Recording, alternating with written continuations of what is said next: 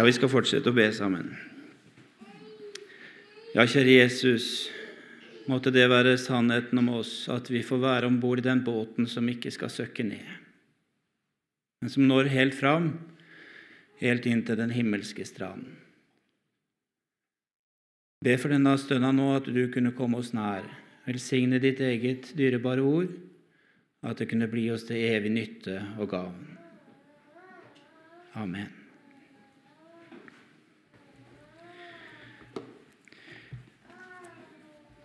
Vi skal lese igjen den uh, siste teksten som uh, Gunnar leste, i Lukas 21, og vers 25-33. Og det skal vise seg tegn i sol og måne og stjerner, og på jorden skal folkene bli grepet av angst og fortvilelse når hav og brenninger bruser. Mennesker faller i avmakt og redsel og gru for det som skal komme over jorden. For himmelens, himlenes krefter skal rokkes. Da skal de se Menneskesønnen komme i skyen med kraft og stor herlighet. Men når dette begynner å skje, da retter det opp og løft hodet, for deres forløsning stunder til. Og han sa en lignelse til dem. Se på fikentreet og alle trær. Så snart de springer ut og dere ser det, da vet dere av dere selv at sommeren er nær. Slik skal dere også, når dere ser disse ting skje, vite at Guds rike er nær. Sannelig sier jeg dere, denne slekt skal så visst ikke få gå før det er skjedd alt sammen. Himmel og jord skal forgå, men mine ord skal aldri forgå.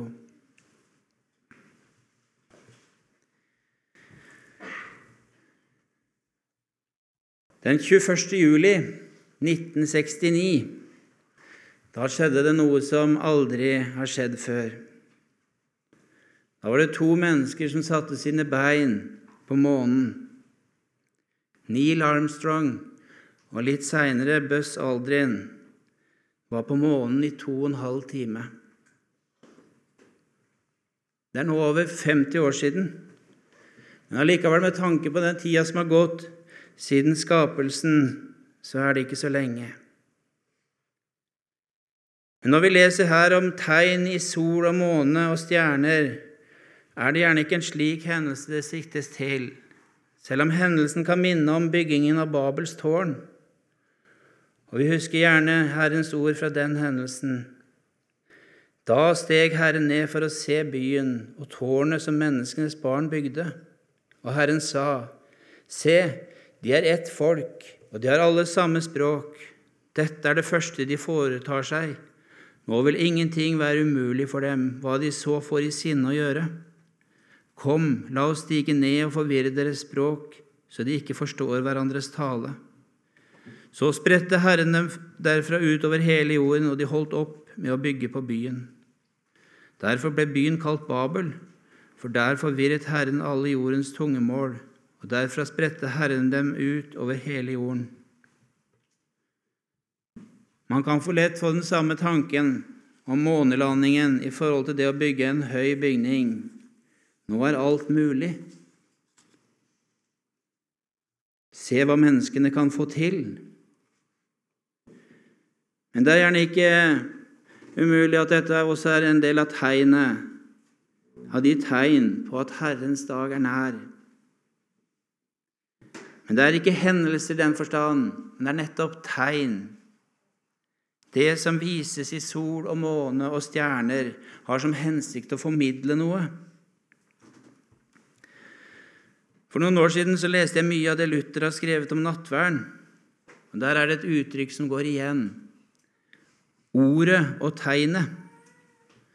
Med ordet så mener Luther her innstiftelsesorda. Og med tegnet så menes den konkrete handlingen som skjer i sakramentene. Synlige tegn på Guds usynlige nåde. Tegn, tegn som vises i himmellegene, skal altså fortelle oss noe. De har en hensikt. Og Ulike steder i Bibelen så leser vi om slike tegn. Sol som står stille, leser vi om i Josvas bok. Jesaja skriver om sola som går tilbake. Og i Jesaja 13,9 så leser vi Se, Herrens dag kommer, fryktelig og full av harme og brennende vrede, for å legge jorden øde og utrydde synderne fra den. For himmelens stjerner og den strålende stjernebilder skal ikke la sitt lys skinne. Solen er mørk når den går opp, og månen skinner ikke. Jeg vil hjemsøke jorden for dens ondskap og de ugudelige for deres synd. Jeg vil gjøre ende på de overmodige stolthet og kue voldsmenns tross. Jeg vil gjøre folk sjeldnere enn fint gull og mennesker sjeldnere enn gull fra himmelen. Derfor vil jeg ryste himmelen, og jorden skal skjelve og fare opp fra sitt sted. Ved Herrens herskarenes Guds harme og på Hans brennende vredes dag. Vi skjønner at dette skaperverket, det er i Guds hender. Og han vredes over synd, over ugudelighet, over jordas ondskap, menneskenes vantro og hat. Og så vil han ryste jorda. Han som er skaperen, han som er den rettferdige, han taler om en, hans brennende vredes dag. Det er sterke ord, og det er all grunn til frykt, all grunn til å være redd. Herren, herskarenes Gud. I parallellteksten til det vi leste i dag, så i Matteus 24, så leser vi også mye av det samme. Denne vredes dag henger tett sammen med Jesu gjenkomst. Men straks etter de dagenes trengsel skal solen bli formørket, og månen skal ikke gi sitt skinn. Stjernene skal falle ned fra himmelen, og himmelens krefter skal rokkes. Da skal menneskesønnens tegn vise seg på himmelen. Og alle folk på jorden skal bryte ut i klagerop, og de skal se menneskesønnen komme på himmelens skyer med kraft og stor herlighet.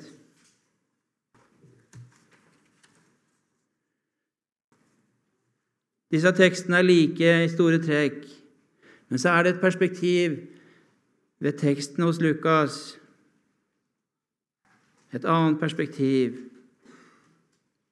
Det er ikke bare denne frykten, denne redselen for Herrens dom. Men så kommer det så fint Men når dette begynner å skje, da retter det opp og løft hodet for deres forløsning stunder til. I møte med dommens dag, Herrens gjenkomst, så har verden kun ett perspektiv. Det er frykten som råder. Er dette sant? Da er det ute med meg. Men for den troende så er det to perspektiv. Frykten for å gå fortapt må alltid følge den troende her på jorda. Når jeg forberedte meg, så fant jeg ikke det jeg tror er et Luther-sitat. Men jeg mener han skriver noe sånt som 'uten frykten for helvete' trodde han ikke at han hadde blitt bevart i troen. Frykten for det å leve en evighet borte fra Gud En evighet der all godhet er borte. Ja, Det er en skremmende tanke, og for mange så blir det en skremmende realitet. Men den troen har også et annet perspektiv, i kraft av at man venter noe annet enn dom, død og en evig helvete, evighet i helvete borte fra Gud så kan man rette seg opp, løfte sitt hode, for forløsningen stunder til.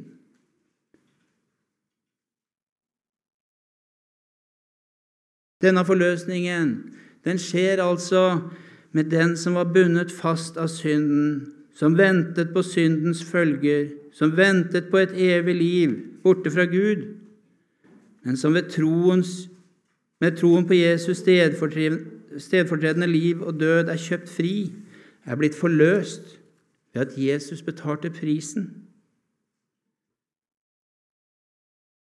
Men når dette begynner å skje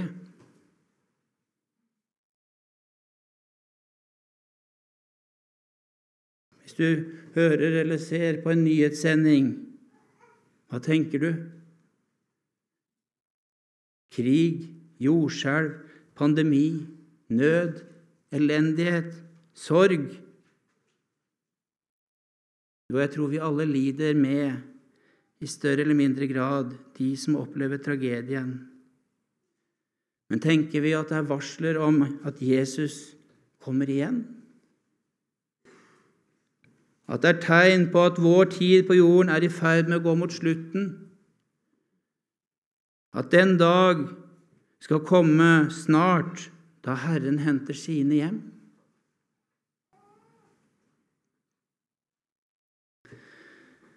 For mange år siden så hørte jeg om en bonde. Han gikk hver morgen i fjøset og tok sitt morgenstell der. Når han var ferdig, så gikk han ut. Løfta han blikket, og så sa han til seg sjøl og til sin Gud, 'Kommer du i dag, Herre Jesus?' Løfta sitt hode, sitt blikk, fra det jordiske fra sitt eget mot det himmelske. Kommer du i dag?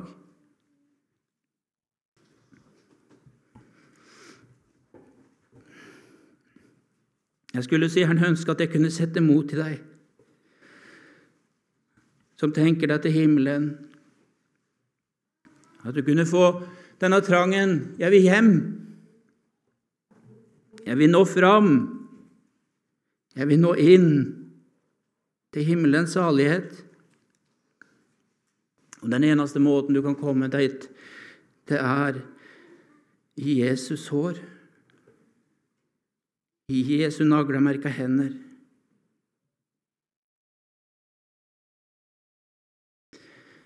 Jeg måtte høre en tale i går, igjen, av Løvgren.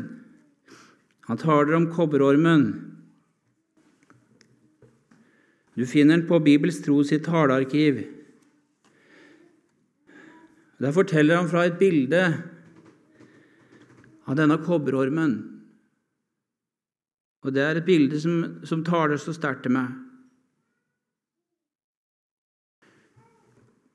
Der henger denne kobberormen hengt opp på en stang, og rundt omkring så ligger det døde mennesker. Men så peker han i talen på fire personer i nærheten av kobberormen. En han har funnet tak i et strå, og så kryper disse slangene rundt den. Slangene, som Løgren sier, det er dommen. Det er Gud som har sendt slangene, og dermed er det også Guds dom. Så ligger den ene der, og så leker han med slangene. Han leker med dommen. Men fra hans armer så kan du se at han er bitt. Gifta har kommet inn i kroppen. Så sjøl om han kan leke, så er han allikevel under dommen.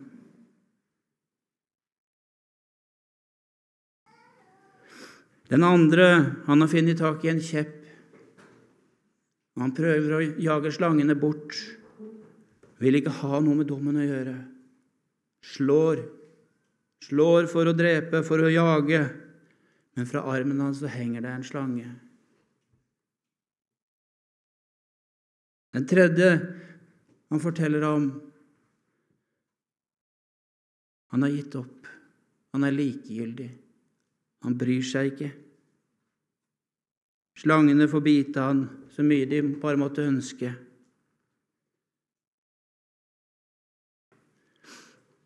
Og jeg tror vi kjenner igjen disse personene, menneskene vi omgås, enten man leker, man jager, man ikke bryr seg. Men slangen og slangene, de biter.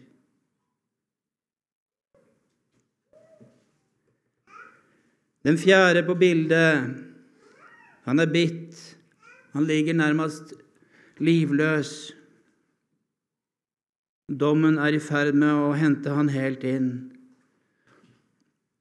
Men så er det en som får vende hans blikk mot kobberormen. Så han får se, og så blir han i live. Han som var dødens, han som var tapt, han blir i live fordi han får se på kobberormen. Fordi Gud hadde knytta løfter til det å se.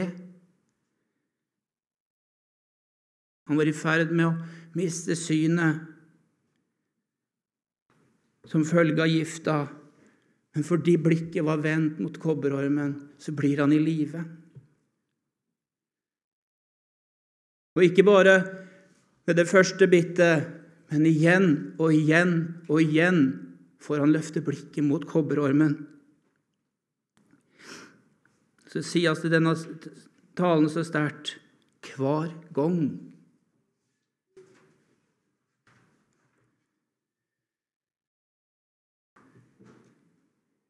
Du, vi må se på kobberormen igjen og igjen. Om ikke jeg får sagt noe annet til deg i denne formiddag, så vil jeg oppfordre deg til å søke opp denne talen.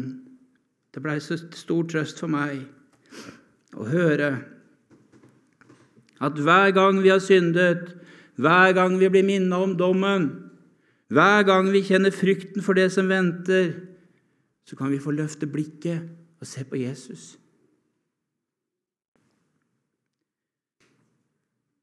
Løfte hodet, rette oss opp og tenke min forløsning stunder til. Det er noen hendelser i livet jeg aldri vil glemme, tror jeg. En gang jeg fikk et spørsmål, tenker jeg på nå. Det var et ungt menneske som spurte kan en anfektelse være fra djevelen. Da jeg fikk dette spørsmålet, så måtte jeg takke Gud før jeg svarte. Her var det et ungt menneske som kjente på anfektelsen og var så redd for at den var fra djevelen var et djevelens verk.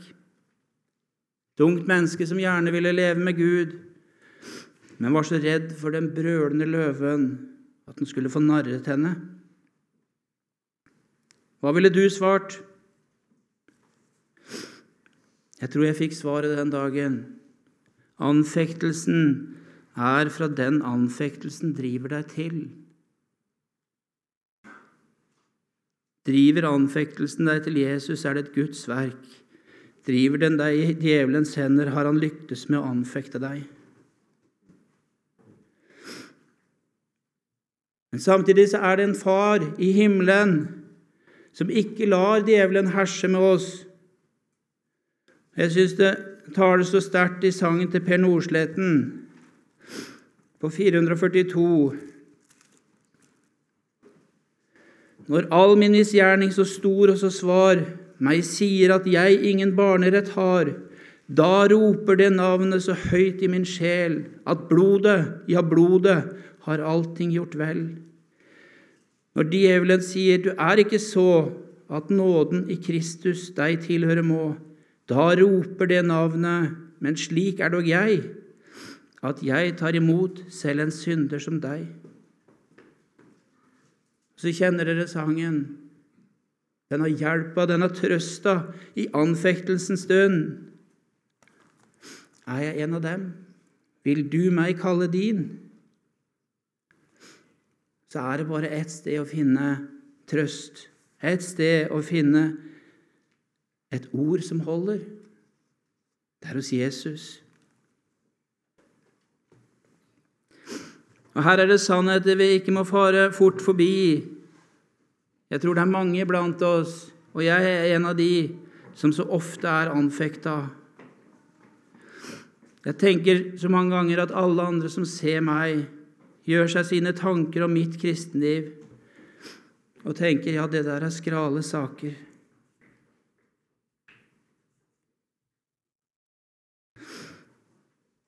Løvgren forteller i den samme talen om en sjømann som jevnlig reiste mellom Calais og Dover over Den engelske kanal.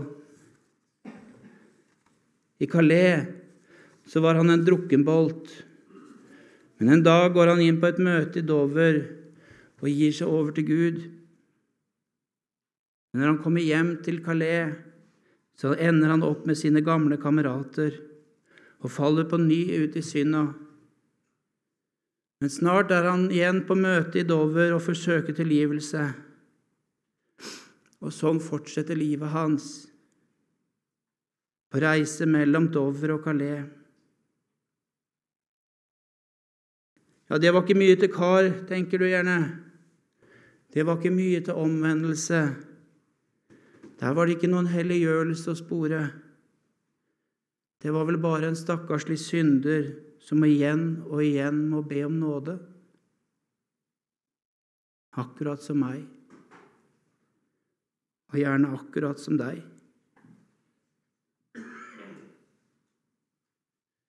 Så kunne jeg kanskje sagt du må slutte som sjømann, du. Du kan ikke reise, du må flytte til Dover.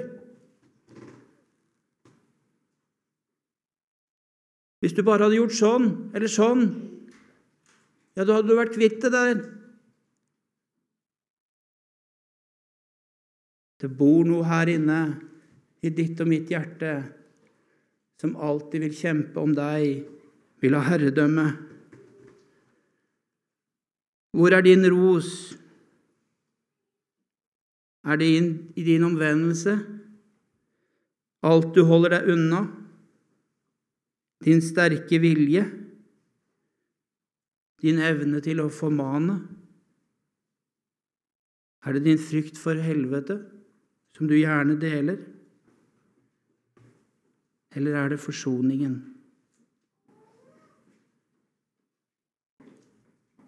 Jeg skulle så gjerne få vise deg kobberormen, at du kunne rette deg opp, løfte ditt blikk opp ifra deg sjøl, dine fall, dine nederlag, og rette blikket på Jesus.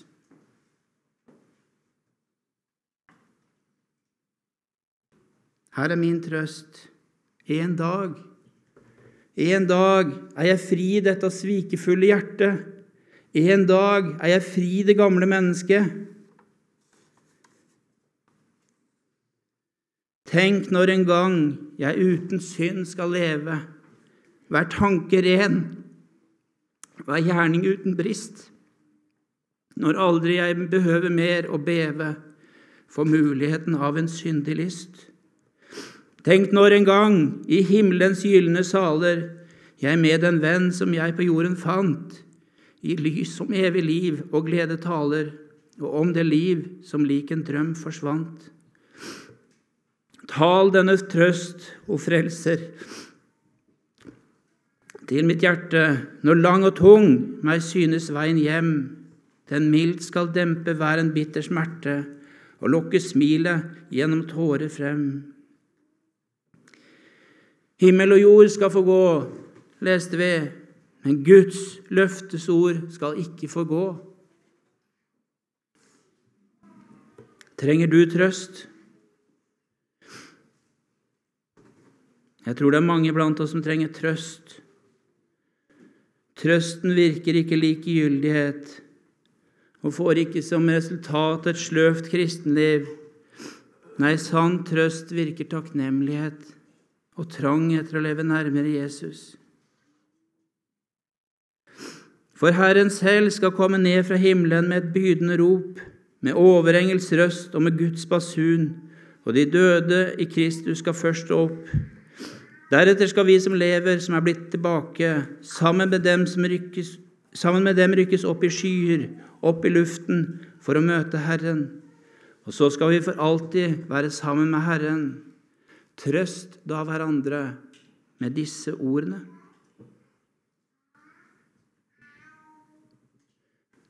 Vi har et herlig budskap å dele. Vi har et mål. Vi har ikke bare dette livet. Vi har en evighet som venter, sammen med vår Frelser.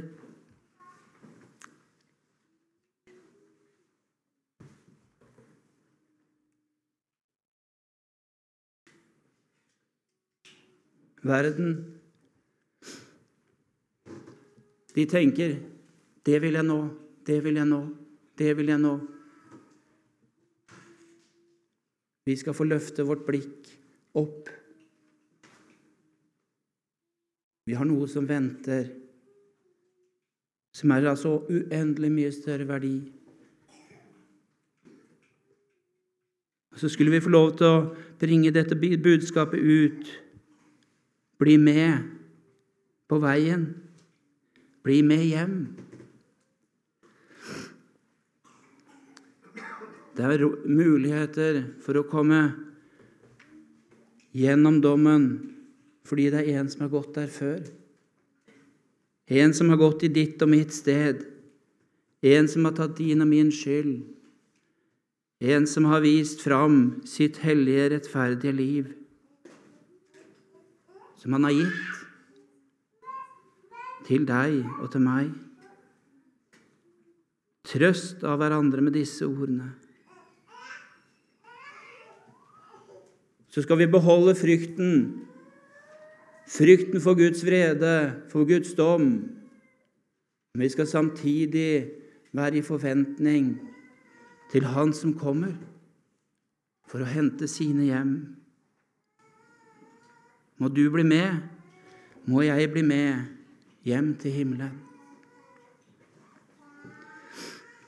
Ja, kjære Jesus, takk at du er den som vil. Du er den som vil at alle skal bli frelst. Jeg ber, kjære Jesus, for hver enkelt her og som lytter til, at du må se til hjertene. At du må skape en trang etter å nå hjem til himmelen. At vi måtte ha dette himmelperspektivet over livet vårt. At jeg vil innafor ei stengt himmeldør bli berga for evigheten.